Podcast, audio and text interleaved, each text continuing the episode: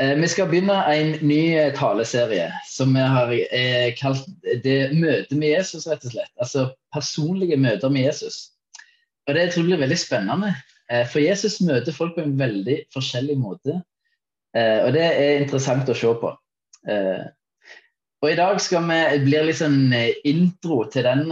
Det, blir, det blir ikke, vi går ikke veldig dypt, men vi skal se litt på kvinner som ble grepet i henne, hvordan Jesus møter henne. Og I tillegg skal vi ha litt fokus på hvordan vi trenger å forholde oss til det som Jesus viser oss.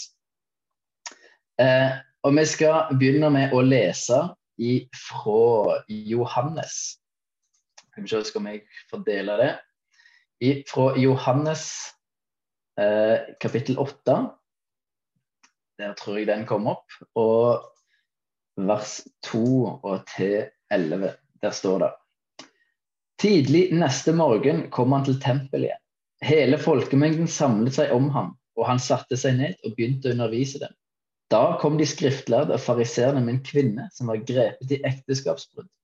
De førte henne fram og sa, Mester, denne kvinnen er grepet på fersk gjerning i ekteskapsbrudd. I loven har Moses påbudt oss å steine slike kvinner, men hva sier du? Dette sa de for å sette ham på prøve, så de kunne få noe å anklage ham for. Jesus bøyde seg ned og skrev på jorden med fingeren. Men da de fortsatte å spørre, rettet han seg opp og sa, Den av dere som er uten synd, kan kaste den første steinen på henne. Så bøyde han seg ned igjen og skrev på jorden. Da de hørte dette, gikk de bort én etter én, de eldste først. Til slutt var Jesus alene igjen, og kvinnen sto foran ham. Da rettet han seg opp og spurte, Kvinne, hvor er de? Har ingen fordømt deg? Hun svarte, Nei, Herre, ingen. Da sa Jesus, Heller ikke jeg fordømmer deg. Gå bort og synd ikke mer fra nå av. Så dette er da Jesus som møter denne kvinna her. Eh, og Før vi ser litt på hvordan Jesus møter denne kvinna, så skal vi se litt på hvordan disse andre møter kvinner. Hvordan de reagerer på Jesus' sin tiltale til dem. Eh, og Det er mange ting jeg kunne tatt opp, eh, som f.eks. at eh, hvorfor tar disse menn hvorfor tar de kun kvinner? Som en vet, så trengs det to stykk for å begå et ekteskapsbrudd. Hvorfor tar de ikke med seg mannen? Veldig rart. Og så står det at de gjør det for å anklage. Altså, disse mennene risikerer denne kvinnen sitt liv pga. sin egen agenda. De er ikke opptatt av budet eller kvinner, egentlig, men de bruker begge deler for å prøve å få has på Jesus. Eh, og Det er jo noe vi godt kan reflektere over. Om, om vi bryr oss om menneskene rundt oss, eller om vi faktisk bruker dem for egen vinning eller behov. Det kan faktisk skje. Det er mange ting som vi kunne ha snakket om. Eh, men vi skal se litt på hvordan disse forholder seg eh, når Jesus sier at den som er uten synd, kan kaste den første steinen.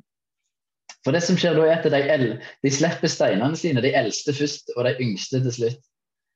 Og Jesus poengterer for dem at de heller ikke er syndfrie. Men det er vanskelig å se for disse folka. Og det har jeg lyst til å begynne med å poengtere. At det er alltid lettere å se andre sin feil enn sin egne. Eh, og Jeg har lyst til å vise dere en kort video. Eh, dette er en sånn humorvideo fra NRK som jeg syns illustrerer dette på en eh, meget bra uh, og morsom måte. da. Så nå skal jeg rett og slett se den videoen før, uh, før jeg sier noe mer. se om jeg har den her, forresten.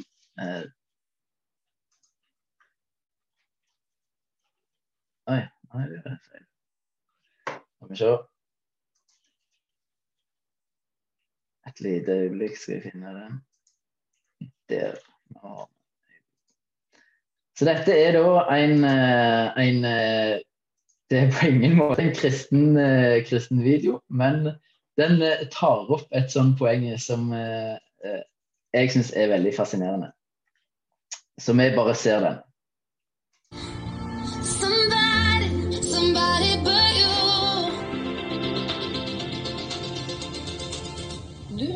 Lørdagsrådet, og vi har fått inn et problem fra en kvinne på 32 år som vi kan kalle Elisabeth. Hun skriver Kjære Lørdagsrådet. Jeg har vært sammen med kjæresten min i seks år, men i det siste har jeg begynt å irritere meg over så å si alt han gjør. Til helgen skal vi på hyttetur, og siden han ikke har lappen, er det jeg som må kjøre, mens han sitter og stapper i seg rosinboller fra Skjell med nesa i mobilen og ser på YouTube-videoer av andre folk som spiller dataspill. Han følger aldri med på det jeg sier, og soner ut i lange perioder med et idiotisk uttrykk i ansiktet. Han stikker underkjeven ut og ser ut som en neandertaler ute av stand til å tenke én fornuftig tanke, som f.eks.: Hvordan fungerer en oppvaskmaskin? Hvordan gir man en kvinne orgasme? Eller hvorfor går jeg med hatt? For han går nemlig alltid med hatt, noe som får han til å se ekstremt dum ut. Men problemet er egentlig ikke selve hatten. Det er hodet hans som er stort og langt. Man får liksom lyst til å mose det sammen til en mer normal hodeform. Er det noe mer? Skal vi se. Han lukter litt tiss. Han røyker sigar på fest. Han kan ikke svømme. I det siste har en mannlig kollega som heter Tom vist en del interesse for meg på jobben. Han er ikke akkurat noe Leonardo DiCaprio, han heller, men jeg drømmer bare om å ha en normal partner som ser meg i øynene iblant, og ikke ber meg om å dra han i fingeren når han må fise. Jeg har prøvd å snakke med kjæresten min om alt dette, men uansett hvor tydelige signaler han får, tror jeg ikke det går inn. Hjelp meg. Kjære Lørdagsrådet, hva skal jeg gjøre? Desperat hilsen fra Elisabeth.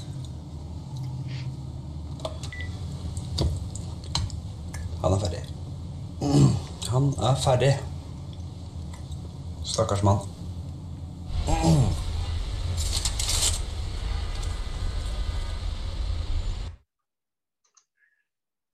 Yes. Eh, håper dere fikk, fikk lyden og alt det der. Eh, jeg syns for meg er dette en veldig, veldig treffende video. Eh, og det illustrerer veldig godt hvordan vi mennesker er. Noen er kanskje verre enn andre, men jeg tror det gjelder oss alle i større eller mindre grad. At når vi hører noe om hvordan noen har oppført seg eller et eller annet, så tenker vi som regel alltid på alle andre mennesker som denne beskrivelsen passer til, enn oss sjøl. Eh, og det er jo komisk hvordan han egentlig i denne filmen han, han, tenker at det er en annen enn meg. Han, han tar ikke hintet i det hele tatt. Eh, Jeg husker en gang jeg, jeg, hørte på en som tok opp et problem i en menighet. og Det gjaldt en spesifikk oppførsel, eller det er noe som har blitt en kultur, egentlig. Og så hørte jeg på, og så tenkte jeg at eh, der sitter det folk eh, som dette gjelder.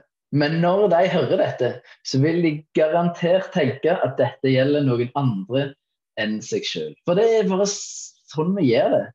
Eh, vi tenker som regel at ja, dette gjelder han eller han. Eh, og Jeg har hatt mange taler sjøl der jeg har tatt opp ting som på en måte har vært litt sånn, eh, som går litt personlig. da. Eh, der folk etterpå har kommet og sagt vet du, dette er akkurat sånn som sønnen min, eller sånn den og den har det eller gjør, eller Ja, og så tenker jeg ja vel, men hva med deg? Ser du dette i ditt eget liv? Og det som er greia, er at vi har blindsoner. Eh, de som kjører bil, vet hva blindsoner er. Det er soner som du ikke ser i speilet, og som du trenger å obs på. Eh, for det kan komme en bil eller sykkel. eller noe sånt. der. Så du må bevege hodet ditt, du må snu på kroppen eh, for å se hva som er i blindsona di. Og vi har alle noen blindsoner i livet vårt. Og det er personer som, som lever nærmest oss, som ser disse blindsonene best. Enten det er ektefelle, kjæreste, familie, venn eller hva det nå er. De ser blindsonene dine. Og når de forteller deg eh, noe som du sjøl ikke ser, så er jo vår reaksjon ofte at vi avfeier det, for vi kjenner oss ikke igjen i det. Men det er veldig dumt å gjøre. For hvis noen sier noe sånt til deg, så bør vi kanskje undersøke er dette sant. Kanskje jeg bør se mer. Er, det, er dette noe som jeg ikke ser i det hele tatt? Og så kanskje gjøre noe med det. Eh, og Grunnen til at jeg begynner med å si dette her, er at når vi dette halvåret her skal snakke om hvordan Jesus møter folk, så vil jeg at eh, vi skal ha fokus på oss sjøl, og ikke på alle andre. Og Det gjelder når du leser Bibelen eller hører taler generelt sett òg, selvsagt. Ha først og fremst fokus eh, på deg sjøl og ikke på alle andre. Hvis Jesus skal kunne forandre oss, så må vi være villige til å tenke at dette gjelder kanskje meg. selv om jeg ikke ser det sjøl. Eh, der er ei, ei, bønn i Bibelen som eh, eh, i salmene som jeg syns er veldig bra. Eh, for der står det i salme eh, som er 139 og vers 23 og 24 så står det Ransak meg, Gud, og kjenn mitt hjerte. Prøv meg og kjenn mine tanker. Se om jeg følger avguders vei, og led meg på evighetens vei. Altså, David eh, han ber denne bønnen fordi han er klar over at han har noen blindsoner. Og jeg tror vi trenger å ha en sånn holdning når vi leser Bibelen eller hører tale eller undervisning, for da er vi mer åpne for at oi, dette kan jo faktisk gjelde meg. Det er ting som, som jeg trenger å handle på, ting som jeg trenger å gjøre noe med.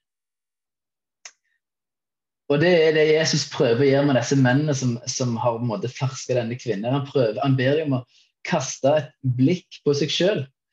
Eh, for fariseerne og de skriftlærde de tenkte om seg selv at de hadde livet i stor grad på stell. Eh, og La oss bare se litt på hvordan Jesus møter denne kvinnen. For det, det, Dette er en nydelig beskrivelse av hvordan Jesus møter oss mennesker eh, når vi har feila, når vi har gått på en smell. Og La oss først bare, bare prøve å sette deg litt inn i denne kvinna sin situasjon. Eh, for hun har blitt tatt på fersk gjerning i utroskap, som er veldig ydmykende i seg sjøl. Så blir hun tatt, og ikke mannen, noe som er enormt urettferdig. Og så blir hun dratt framfor en folkemengde av hovedsakelig menn, der, stiller, der menn stiller seg rundt henne. Hun står i midten og blir anklagt høylytt framfor en folkemengde. Det er så enormt ydmykende. Og Jeg ser for meg at hun bare står og kikker ned i bakken av bare skam og håper at det skal åpne seg et hull i bakken så hun kan bli slukt av. Og I tillegg så er det ingen som spør hva, hun hva som har skjedd, eller hva hun tenker om dette. Er det noen grunn? Ingen som spør om noe som helst. Eh, for en ydmykelse. Og hun blir trygt så enormt langt ned. Og I tillegg så er hun sannsynligvis veldig redd, for Moseloven sier at ja, steining er dommen for de som har begått eh, utroskap, både menn og kvinner. Og så står hun der da, som et debattelement, som en sak, og i lite grad et menneske. Hun er på en måte fråtatt all verdighet, og hun er ydmyk og trygt så langt ned. Og Når disse folka kommer framfor Jesus med anklagene, så sitter Jesus og skriver på bakken. Og Når de kommer med anklagene, så fortsetter han å skrive. Eh, mange teologer har foreslått at Jesus gjør det fordi han ikke han vil ikke debattere på de betingelsene som de kommer med. Men, men når de får, fortsetter å spørre, så sier han at eh, den som er uten synd, kan kaste den første steinen. Og Det er litt interessant i seg selv, for, for loven sa at vitnene skulle kaste den første steinen. Og de som kommer med denne kvinnen, er sannsynligvis vitner. Og det som Jesus gjør her, det er så genialt og så konge. For du har kvinner som er trykt veldig langt ned. Og du har fariserende skriftlærere som tenker at de er høyt over kvinner og folket generelt sett. Og det Jesus gjør, er så nydelig. For Jesus han trykker ned fariserene og de skriftlærde. Og så løfter han opp kvinner. Han likestiller dem ved å si at den som den som er uten synd, kan kaste den første steinen. Han likestiller dem og sier at dere er ikke bedre enn denne kvinna. Og du kvinne er ikke dårligere enn disse mennene som tror de er så perfekte. Og Det gjør at disse går én etter én, og kvinner eh, står igjen alene med Jesus. Og se, se, for deg det, da. At Jesus sitter på bakken, og kvinner står framfor ham Eh, og ser ned i bakken. For meg så er det nydelig. For det at Jesus sitter, gjør at han ikke prøver å fysisk heve seg over kvinner. Eh, han vil sannsynligvis være høyere enn kvinner, og det er, en, er måte å vise makt på. For de som kan pedagogikk, så har, har en lært at når du skal snakke med ungene, skal du helst sette deg på huk, sånn at du er på deres nivå. Eh, hvis du står, så kan du virke veldig dominerende og kanskje skummel til meg. Og Jesus, han sitter. Eh, det syns jeg er så nydelig. Og i tillegg til at han ikke på en måte prøver å dominere henne med at han er større enn hun, så det at Jesus sitter, gjør at det er større sjanse for at han faktisk får øyekontakt med denne kvinnen når, han, når hun står med bøyd hode.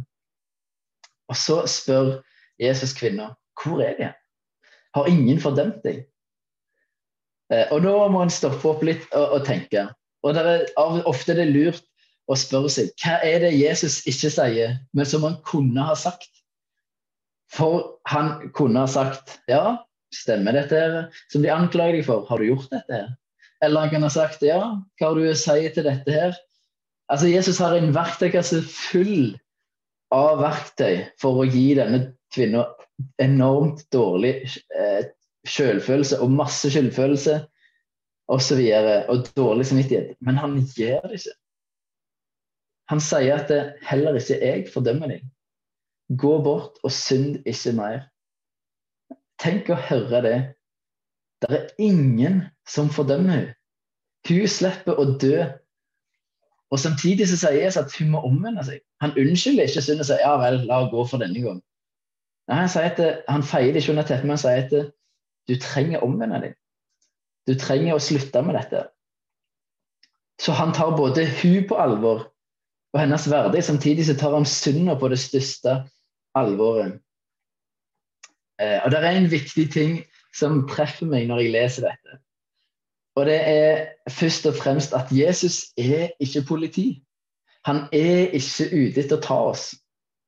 Kvinner slipper å dø fordi Jesus døde for henne. Jesus tok den straffa som hun slapp. Og Jesus er ikke ute etter å ta meg og deg, men han er ute etter å redde oss.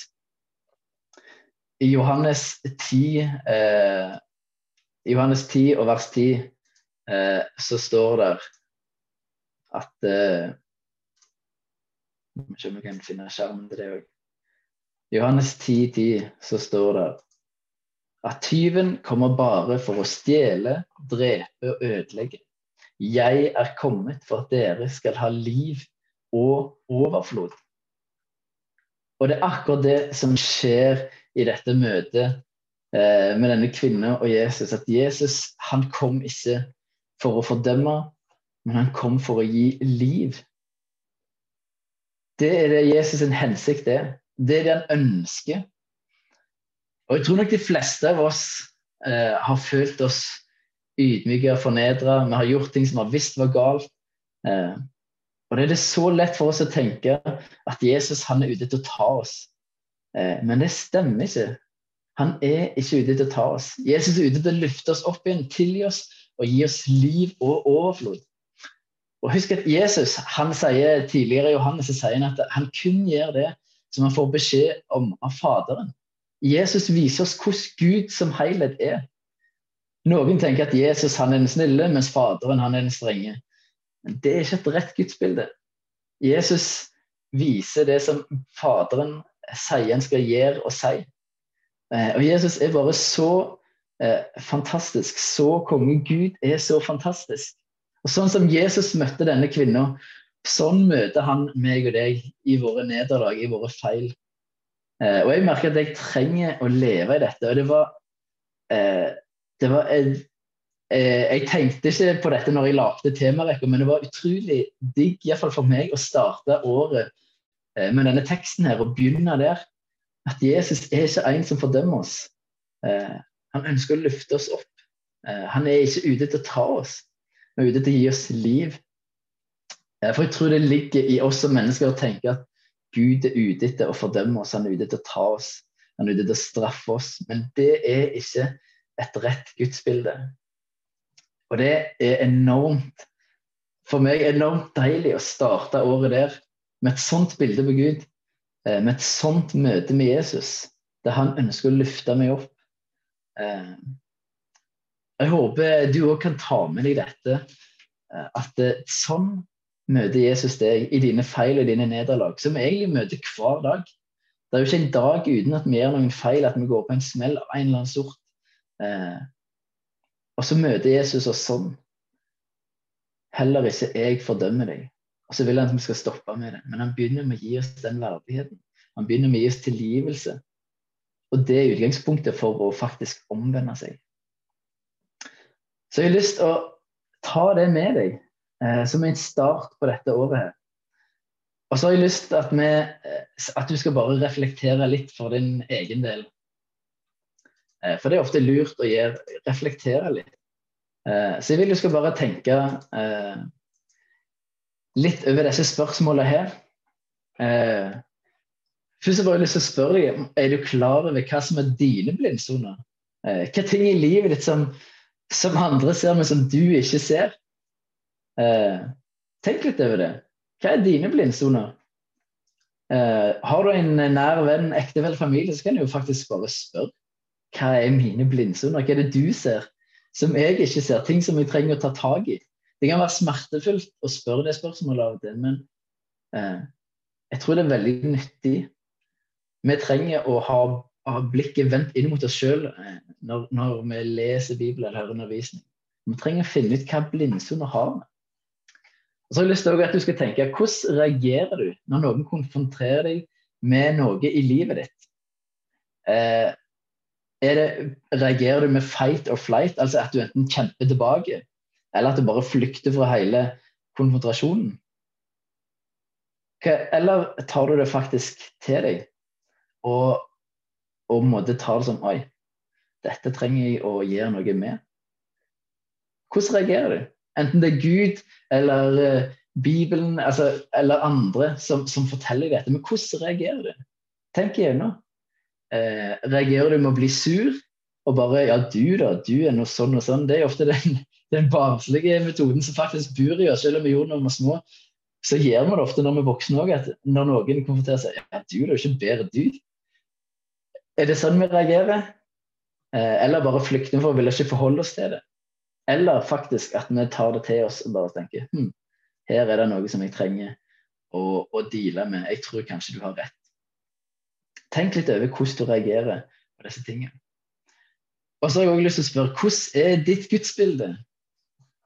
Er Jesus politi som ønsker å ta deg, eller Gud, er Gud politi som ønsker å ta deg? Eller er det en, en som har kommet for å gi deg liv i overflod? Hvordan er ditt gudsbilde? For det avgjør så enormt mye. Eh, om du går rundt med dårlig samvittighet eller ikke, hvordan du forholder deg til bibellesing og bønn, eh, om det er en positiv eller negativ ting. Og det er så mange ting som vil bli avgjort av hvordan ditt gudsbilde er. Tenk igjennom hvordan ditt gudsbilde er.